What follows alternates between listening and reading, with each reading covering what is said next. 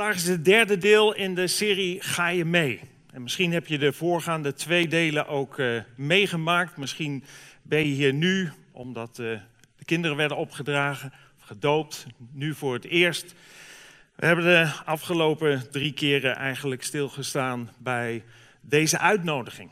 Ga je mee? Een uitnodiging die Jezus regelmatig deed. En op de uitnodigingskaart die we voor deze serie uitdeelden, daar stond op, of staat op, we nodigen je uit voor een reis. Vandaar ook dat vliegtuig. Aan het begin van deze reis weet je nog niet waar je zult uitkomen. Ook niet wat het avontuur met je zal doen. Best spannend. God ontdekken. Ga je mee? Ja, de tijd dat uh, Jezus op aarde rondliep, zo valt te lezen in verschillende ooggetuigenverslagen, nodigde Jezus regelmatig mensen uit om met hem mee te gaan. Soms gewoon een stukje met hem mee op te lopen, om wat te vertellen. Soms om ergens met hem te gaan zitten. Soms om ergens met hem te eten. Of soms om langere tijd met hem onderweg te zijn. En dat deed Jezus niet zomaar. Hij zocht, met, hij zocht contact met mensen om iets te delen van ja, eigenlijk hoe anders God is dan mensen vaak dachten dat hij was. Om iets te laten zien van Gods liefde voor de mens. Niet alleen nu, maar ook 2000 jaar geleden was de associatie die veel mensen hadden met God lang niet altijd positief.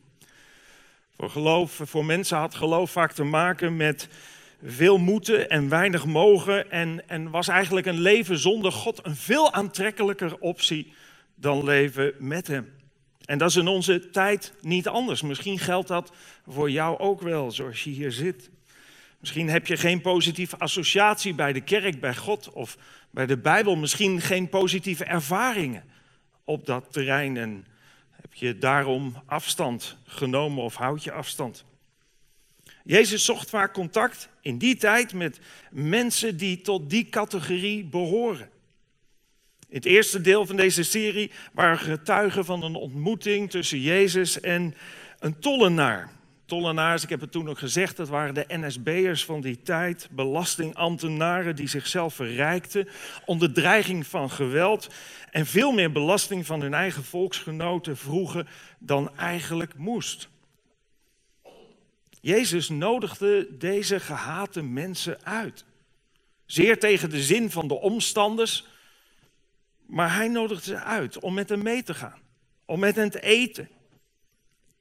En om met zijn vrienden. Hij nodigde Levi, daar hebben we toen bij stilgestaan, heel specifiek uit. En zijn, je zou kunnen zeggen, zijn criminele vrienden. Om met hen te eten, om iets te delen van wie God in werkelijkheid is. In het tweede deel van deze serie zagen we hoe Jezus in gesprek ging met Petrus, een visser.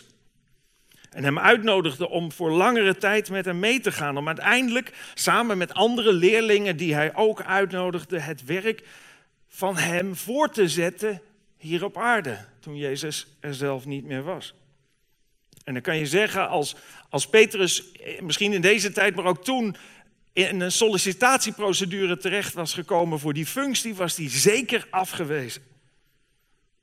Het was een stinkende visser, grof in de mond, ongeduldig, ruw, graag bereid om met iemand in de vuisten, op de vuist te gaan, zoals we later ook in verhalen lezen niet bepaald een geestelijke, zullen we maar zeggen. Maar Jezus nodigde hem uit en zei: Kom, ga met me mee.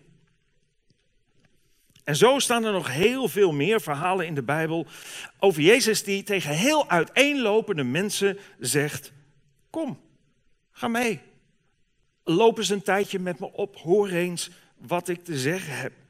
Niet alleen tegen eenvoudige vissers, maar ook tegen hoogopgeleide mensen in die tijd, tegen armen en rijken, tegen Joden, maar ook tegen Romeinen, van de vijand eigenlijk, tegen mannen en vrouwen, het maakte niet uit. Stuk voor stuk mensen die op dat moment niets met God of de kerk van die tijd hadden, maar natuurlijk wel op zoek waren naar geluk, net zoals we dat allemaal zijn. Mensen die misschien ergens ook wel aanvoelden dat er meer is of meer zou kunnen zijn of meer moet zijn tussen hemel en aarde, maar dat geen handen en voeten konden geven of wilden geven. Volgens de Bijbel heeft ten diepste ieder mens een probleem op te lossen, of we dat nou geloven of niet. Dit is wat de Bijbel zegt over mensen in het algemeen. De Bijbel zegt, alle mensen hebben zich van God afgekeerd. Ze zijn met elkaar de verkeerde weg opgegaan. Niemand doet wat goed is, zelfs niet één. Er zijn geen volmaakte mensen. God is liefde, dat geloof ik. En alles wat buiten die kaders van Gods liefde gaat, noemt de Bijbel zonde. Niet de menselijke kijk op goed en kwaad is maatgevend, maar echte liefde is maatgevend. En ga je die buiten die kaders, en dat doen we allemaal. Ik denk dat hier niemand zit die zegt, nou nee, ik heb nooit iets gedaan wat buiten kaders van liefde gaat. Ik heb nooit iets gedaan wat buiten die kaders gaat die God stelt. Ga je buiten die kaders, dan veroorzaakt dat niet alleen een heleboel ellende hier in de wereld waarin we leven.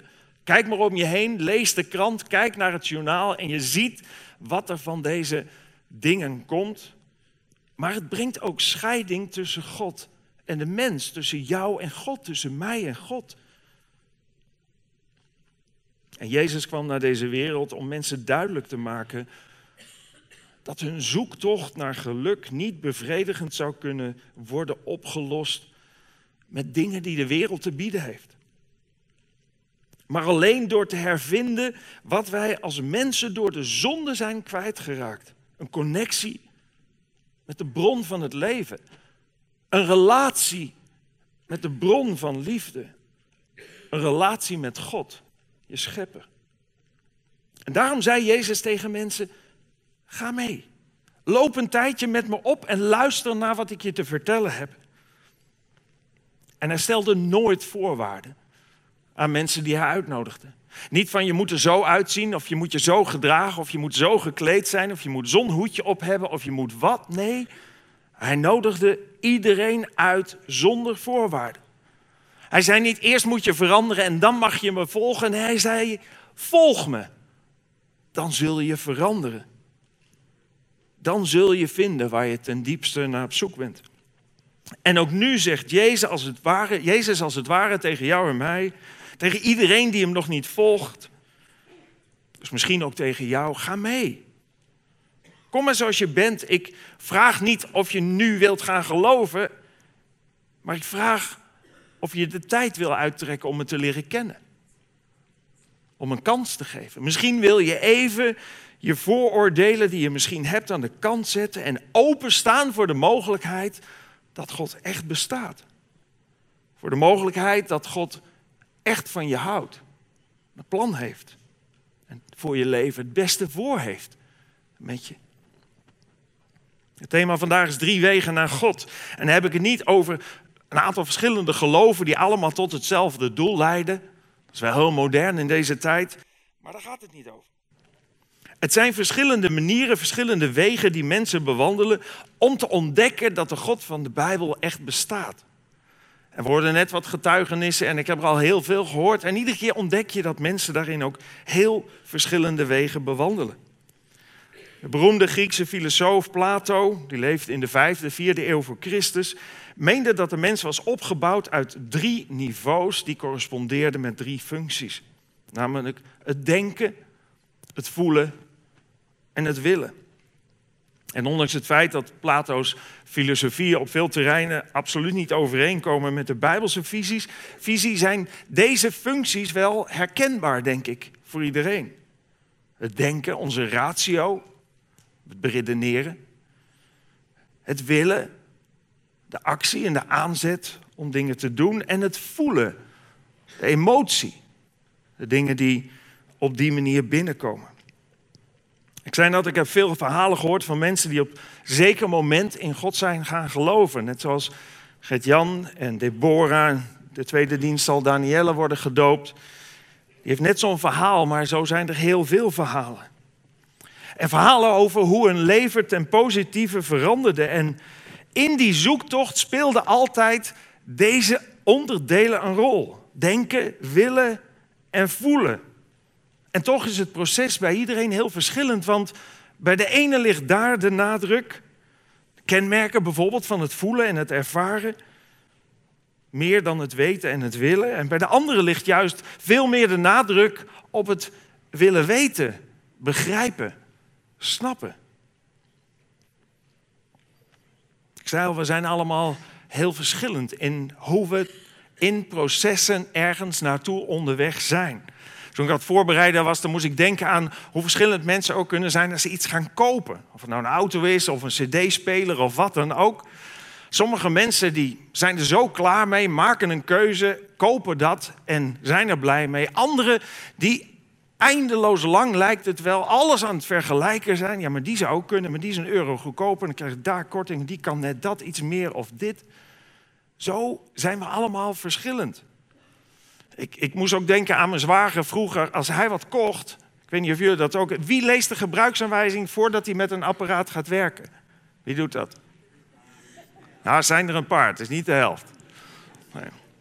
Nou, mijn zwager deed dat ook. Die kon dan iets kopen, een, een, mooi apparaat of zo. En dan deed hij de doos open en haalde hij de gebruiksaanwijzing eruit... en dan deed hij de doos dicht. Daar werd ik zo kriegel van.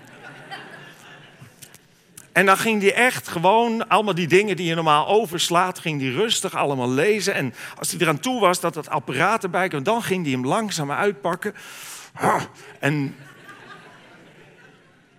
nou, zo zitten mensen verschillend in elkaar. Ik trek dat ding eruit, steek de stekker in het stopcontact en kijk wat er dan mee te doen is. En als het echt nodig is, dan haal je de gebruiksaanwijzing er nog bij. Ja, misschien ken je dan de helft van de functies niet, maar het maakt niet uit, het bevredigt wel. We zijn heel verschillend. Vrouwen zijn over het algemeen in hun zoektocht heel verschillend ten opzichte van mannen. Vrouwen die vaak veel meer op het gevoel en de emotie hun zoektocht gaan. Die daar ook ontvankelijker voor zijn. Ik zeg altijd, vrouwen hebben een heel antennepark op hun hoofd... waar ze allemaal signalen binnenkrijgen die mannen totaal niet binnenkrijgen. En bewandelen vaak ook een weg die daar meer te maken, mee te maken heeft. Bij mannen speelt vaak ratio, het kunnen begrijpen, het willen onderzoeken, veel meer een rol. En kan ook, en dat kom ik veel tegen bij mannen, ook een enorme blokkade zijn.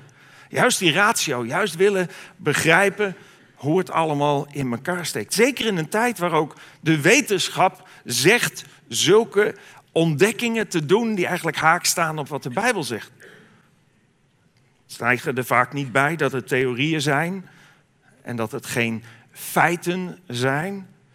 Want ik heb nog nooit één wetenschappelijk feit gezien of gelezen, wat op welke manier dan ook maar haak staat op wat de Bijbel zegt. En als jij zo iemand bent die dat graag wil weten en meer wil begrijpen, dan zou ik zeggen, lees bijvoorbeeld deze boeken. Het heeft mij veel geholpen. Moderne wetenschap en de Bijbel. Geen idee of het in de boekenhoek ligt en anders is het elders wel te koop. Bol.com. Moderne wetenschap en de Bijbel en brieven aan een scepticus. Die echt gaan over het proberen te begrijpen, te doorgronden van wat de Bijbel nu echt zegt. Ik wil een klein gedeelte uit de Bijbel met je lezen en daar ook mee afronden, waar denken, voelen en willen een rol speelt in het ontdekken van wie Jezus is, wie God is. Jezus is een tijd onderweg geweest, beschrijft het verhaal en komt net weer terug in de stad waar hij woont, Capernaum. Lees maar even mee. Dan staat er, een tijd later kwam Jezus weer in Capernaum. Het duurde niet lang of de hele stad wist dat hij thuis was en al gauw was het huis overvol. Ook voor de deur stonden vele mensen te luisteren naar wat Jezus vertelde. Dat gebeurde iedere keer. Waar Jezus was, waren veel mensen. Hij vertelde dingen. Mensen waren zeer onder de indruk van wat Jezus te vertellen had. Het was anders dan wat in die tijd in de kerk werd verteld. Hij sprak over Gods liefde. Hij sprak over genade en vergeving. Hij sprak niet over, over de leefregels van God, waar we net ook wat over hoorden, als, als een soort van kille wetten, maar als liefdevolle handreikingen, liefdevolle beschermende kaders van God. Heel anders dan ze gewend waren. En dan gaat het verder. Vier mannen kwamen met een verlamde op een draagbaar. Ze wilden naar Jezus toe, maar omdat het er zwart zag van de mensen, konden ze niet bij hem komen. Er was geen doorkomen aan. Het zat stampvol. Maar deze vier mannen waren niet van plan om onverrichte zaken terug naar huis te gaan. Nee, we lezen, daarom gingen ze het platte dak op en maakten erin een groot gat vlak boven de plaats waar Jezus stond. Nou, dat zijn geen daken zoals wij dat kennen. Dat waren meestal daken van riet of bamboestengels of zo. Dus dat was ook makkelijk te doen. Daarna staat er, lieten ze de verlamde man door het gat zakken. Jezus zag dat ze er gewoon niet aan twijfelden of hij hun vriend zou helpen. Hij zei tegen de verlamde man, ik vergeef u al uw zonden. Ze kwamen met hun vriend. Hun vriend was verlamd. Ze hadden waarschijnlijk verhalen gehoord of misschien wel meegemaakt van het feit dat Jezus ook soms mensen genas. En daarom waren ze met die verlamde man daarbij, Jezus, gekomen. Ze lieten hem voor zijn voeten zakken en dan zegt Jezus tegen die verlamde man, ik vergeef u al uw zonden. Ik denk dat ze teleurgesteld waren misschien. Zo van, ja maar, ja maar daar kwamen we niet voor. We willen graag dat hij weer gezond wordt, dat hij weer kan lopen. Misschien beredeneerden ze het heel rationeel en, en, en, en dachten ze, ja, wat, dat, dat is mooi, maar wat moet hij daar nu mee? Er waren ongetwijfeld onder de toehoorders ook mensen die voelden intuïtief met die antennes op gevoelsniveau dat wat Jezus zei ontzettend belangrijk was. Mensen die begrepen dat niets in het leven belangrijker is dan het ontvangen van vergeving van zonde. Dat betekent namelijk dat je opnieuw met God in verbinding kunt staan. Dat je met God in het reinen bent. Dat is de, de golden buzzer van I Got Talent. Direct door naar de live show, naar de hemel zou je kunnen zeggen. Het kaartje. Dat is de knock-out ronde overleven in de voice. Dat is het mooiste wat je eigenlijk kunt krijgen. Ja, niet iedereen was blij met deze uitspraak. Ja, die vrienden misschien niet. Anderen zagen wel, begrepen wel dat het iets moois was. Maar we lezen verder, er zaten ook een paar Joodse godsdienstleraars in dat huis. Dat waren de geestelijke leiders. Misschien wel geestelijke heersers, moet ik zeggen, van die tijd. Toen die dit hoorden, dachten ze bij zichzelf: hoe durft hij? Hij spot met God. Er is maar één die de zonde, die mensen hun zonde kan vergeven, en dat is God. Hun ontvankelijkheid op gevoelsniveau was er niet zo. Hun ratio speelde vooral een rol en zij kenden de regels en zij kenden de geschriften, de Bijbel zou je kunnen zeggen, dat eerste deel. En op die manier liepen ze daar ook in vast. En er zit ook een kern van waarheid in. Maar als deze religieuze leiders open hadden gestaan voor wie Jezus werkelijk was, en wat hij werkelijk te zeggen had, dan hadden ook zij op gevoelsniveau zelfs binnengekregen dat Jezus niet zomaar iemand was, maar daadwerkelijk sprak op autoriteit van God zelf. Maar omdat Jezus voor hen een bedreiging was, een sta in de weg hadden ze als het ware de deur van hun hart gesloten. Zo kom ik veel mensen tegen.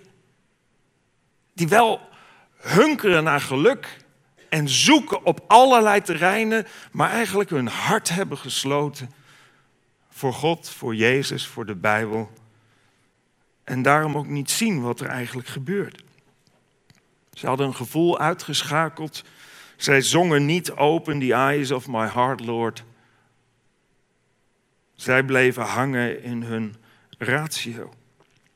Dan staat er verder, Jezus wist wel wat er in hen omging en zei tegen hen, waarom wint u zich zo op over mijn woorden?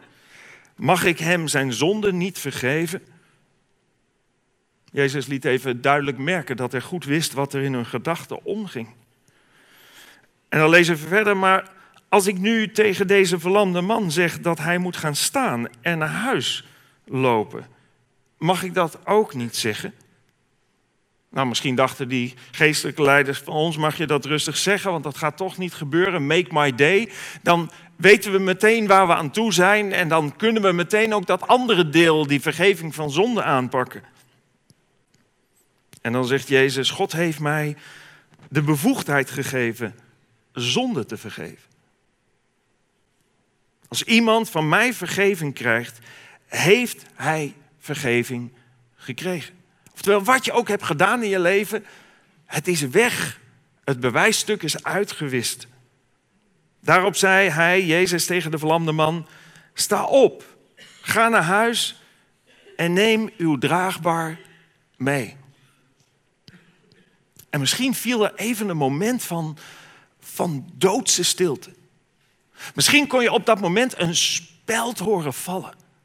Wat zou er nu gaan gebeuren?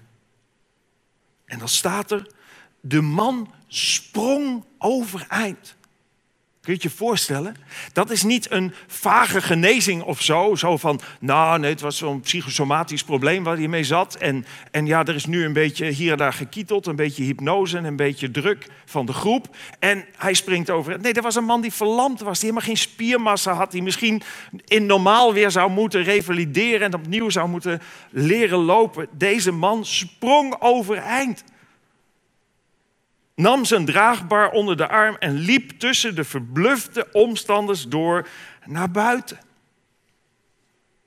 Dit was niet alleen Jezus die op gevoelsniveau tot mensen sprak, dit was Jezus die ook op rationeel terrein tegen mensen sprak, zoals hij in de hele Bijbel doet.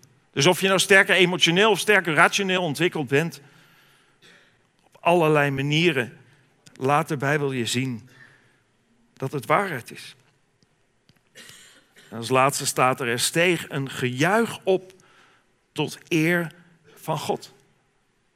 Dat is het doel, dat is het einddoel van, van ik hoop ook jouw zoektocht.